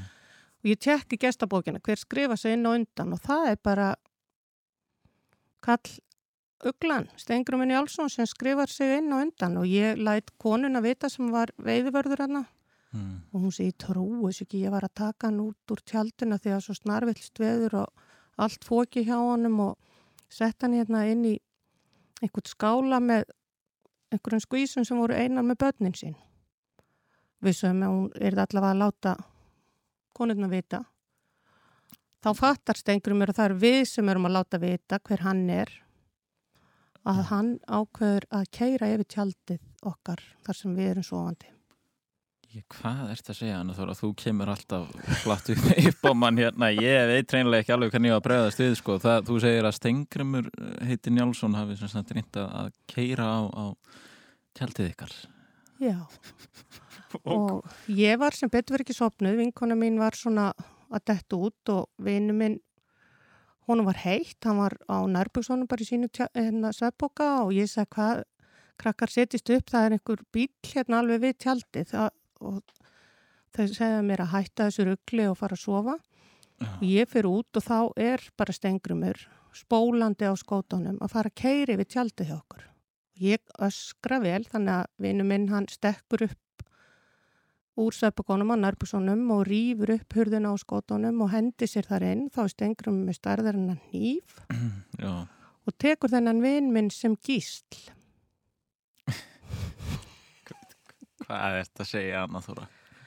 Já, við vinkona minn förum á hennar bíl yfir í svona lítil hús þar sem við vissum um aðra vinn okkar sem að voru í veiði og Já. þeir voru sofandi og ætlaði að vakna snemma til að fara að veiða og þeir heldu að okkur væri bara kallt, það var skýta veður og buð okkur bara að leggjast upp í hjá þeim. Já. Við sem þetta væri ekki alveg svona auðvelt að Kristján, vinnur minn, væri sem sagt í bílnu hjá Stengri með ánærbuksunum og Stengrumur væri með nýf og við erum að fara að bjarga þessu. Þetta hljómar eiginlega bara eins og eitthvað sakamál, Anna Þóra. Já, við hérna hágrétum og görgum og örgum og Stengrimur keirir þarna alveg svo snarvittlaus með vinn minn á nærbuksunum. En þessir góðu menn sem voru þarna í veðiferð líka, þeir komu út Mm. og til að bjarga öllu, þá bara bakkar Stengrimur á fullri ferð á bílinn þeirra. Þannig að það kveld springur á stórum jeppa sem þeir voru á. Þá Já. eru þeir reyðir. Þú segir nokkuð annað þóra þannig að Kristján var þarna gísl hjá Stengriminn Jálsinni og, og hvernig fór fyrir honum Kristjáni, hann hefur komist heil af húfið þarna frá mannunum með hnífinn eða eitthvað Já, þessi kunningja mínir sem voru í veiði konum, þeir rifu upp hurðin á skótonum og svolítið hastarlega þannig að hún fór af, þeir rifin af hjörunum Já, og rifu Stengrim út. já, já, þannig að þetta hefur svona hvað, hvað getur við sagt, rettast einhvern veginn. Þetta rettaðist, við byggðum í 2-3 tíma eftir lauruglunni. Já, já, en, en enginn hefur svona slasast svona þannig lagað. Nei, Nei, nei, nei. þannig að þetta var fa farsæl málalók. Já, við komum hvorki með fisk, né, en við vorum með lífsreynslu. Já, já, mitt. Og þú, þú segist vera með svona hálfgerða áfallastreituröskun eftir þessa ferð. Já, ég leggst ekki tjald. Já, þú leggst ekki tjald. Nei, ekki nema ég sé mjög þreytt. Þú ert rosalega að þú kemur eiginlega bara sífælt ávart, sko. Uh, ég veit ekki alveg, við þurfum ekki bara að fara í gott lag eftir þessa söguða. Jú, guðanabænum. Setnum bara Earth, Wind and Fire, Boogie Wonderland. Boogie Wonderland, Earth, Wind and Fire.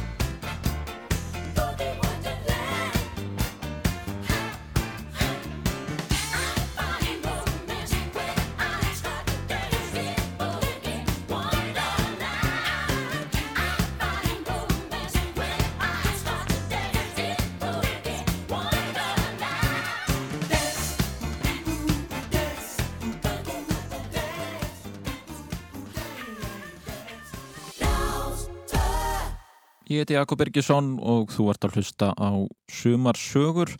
Anna Þóra Björnsdóttir, uppistandari og glerugnasali er hér hjá mér og hún hefur verið að segja mér, já, alls svakalar uh, sögur af, af sínum svona, já, ferðalögum um, um landið uh, en ég spyrði nú Anna, sko, hefur ekkert samt verið í útlöndum neitt mikið?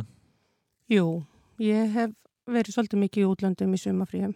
Já, Við hjónin ferðist náttúrulega með strákana og reynum, þú veist, það er best fyrir okkur að reyna að kúpla okkur út en, en ég á margar skemmtilega sögur. já, Það sem að kemur upp í höfuðið á mér það var að vísu svolítið sorglega saga við vinkonurnar, ég og vinkonu mín, við kynntumst mjög skemmtilegu manni í Hollandi kringum 1990.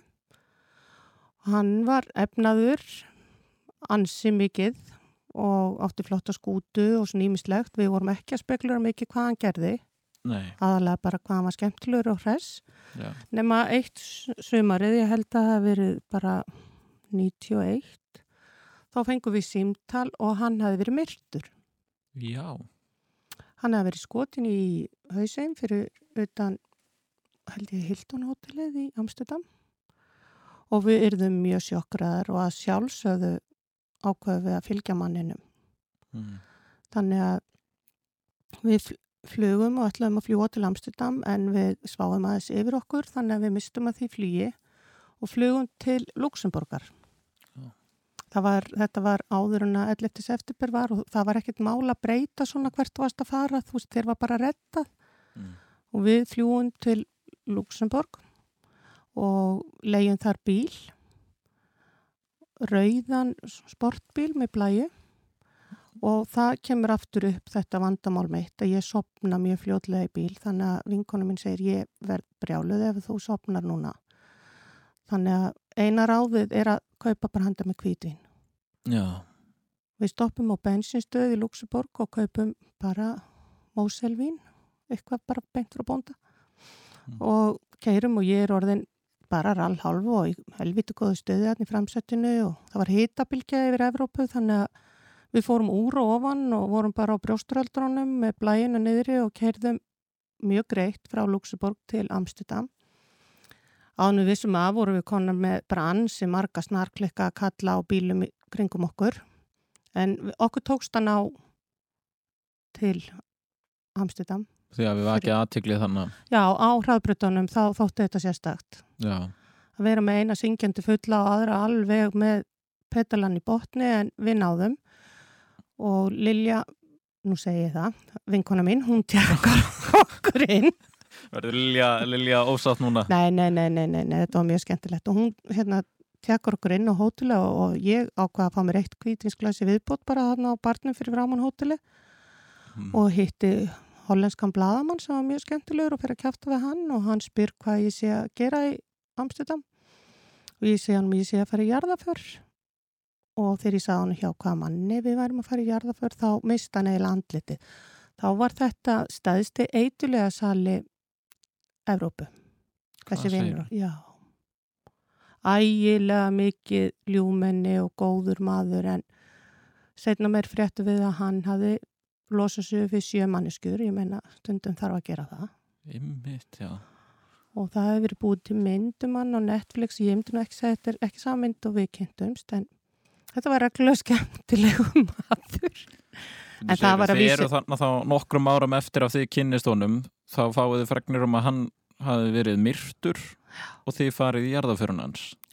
Sem að var ekki sko, því það hefði allir örglega verið myrtir í þessari jarðaför Nú, já En byrju, ég sko ég verð að fá ákveðna hluti að, reynt hér. Þú, sko, hvaða ár kynnist honum, segir þú? 80 og... Nei, við kynnist honum held ég bara 90 og hvort að þetta er 91 eða 2, þetta var stöttu setna hann, hann var stór í þessu og við hefðum ekki hugmynd um það.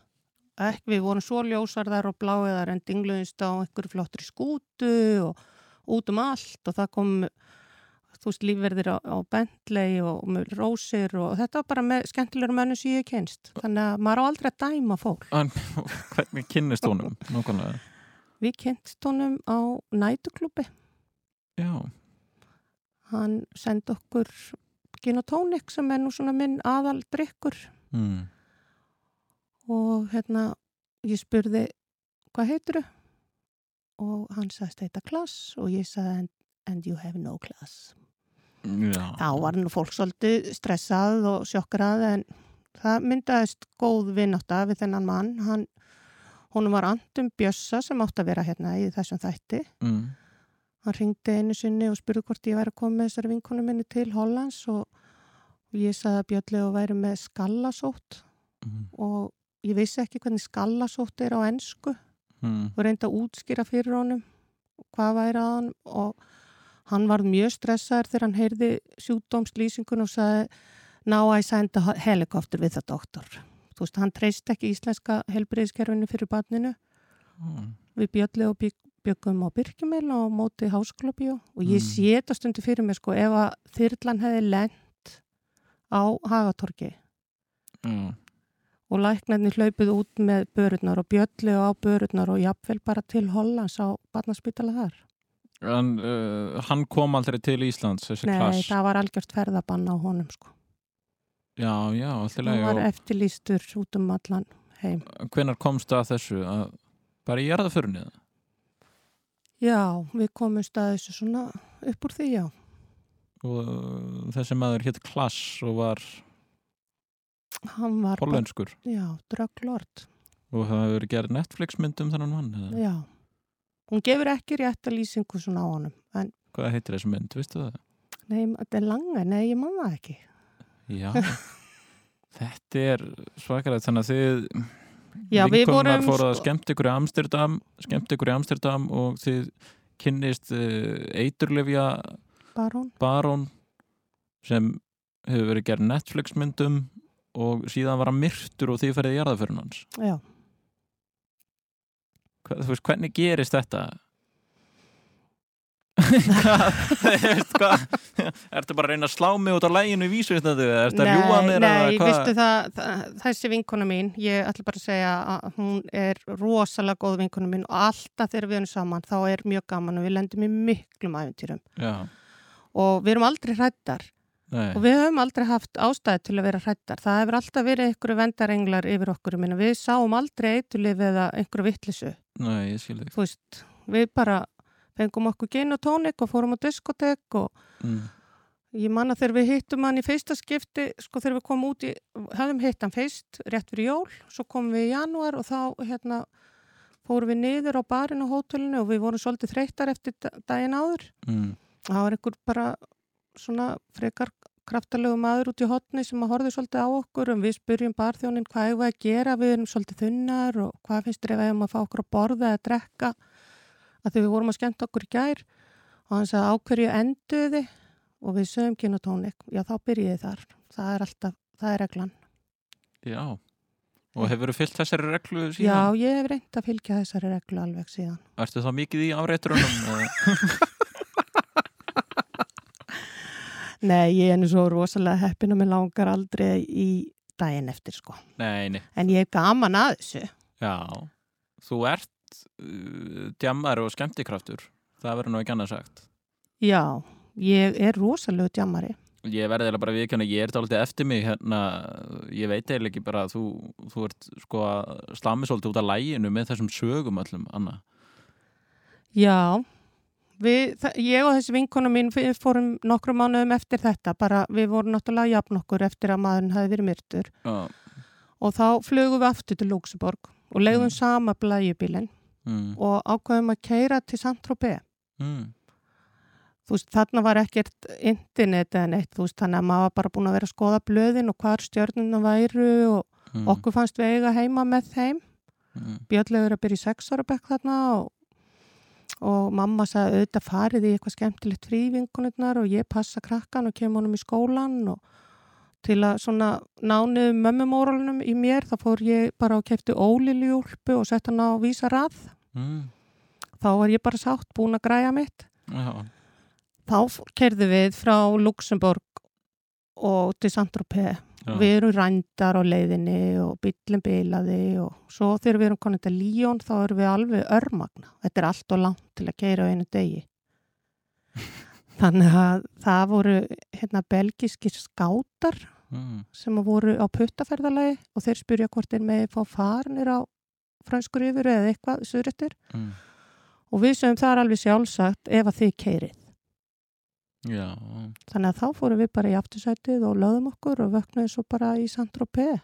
Þannig að við vorum aldrei hrættar en þeir hefði geta gert með okkur hvert sem er. þannig að þið Lilja hafið, já, já heyrilega gert ímislegt saman.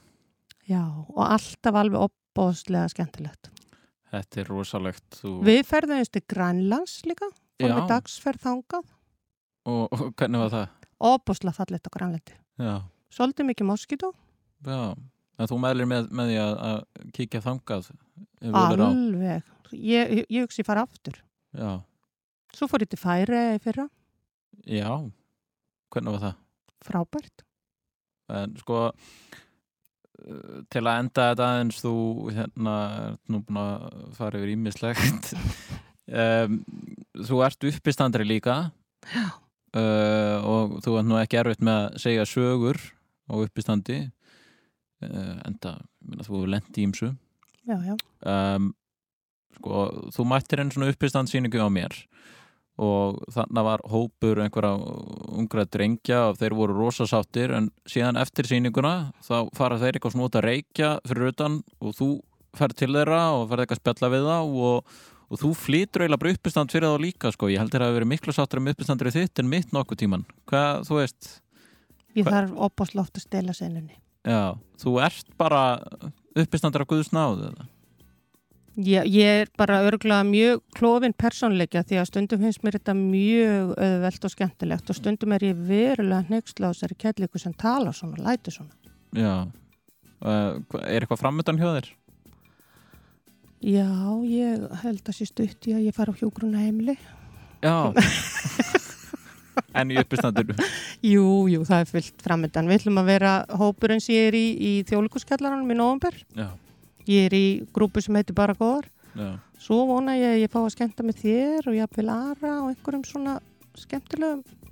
Já, það er aldrei að vita Nei, Það var nú skemmtilegt að gera eitthvað Eh, Þetta var Anna Þóra uh, Björnsdóttir Hún er hér búin að segja ykkur frá uh, fennið sínum innanlands sem og utan landstínuna uh, Ertu ekki með eitthvað síðasta lag fyrir okkur? heyrðu, jú, ég er búin að tala svo mikið um eina vinkonu mína en besta vinkonu mín heitir Lilla, kallu Lilla Já, og þegar við fáum okkur kvítin þá Mm. setjum við alltaf Grace Jones á fónin og hlustum á Lavia Rose. Lavia Rose, Grace Jones, Anna Þóra Björnsdóttir Takk kærlega fyrir kominu Takk fyrir mig.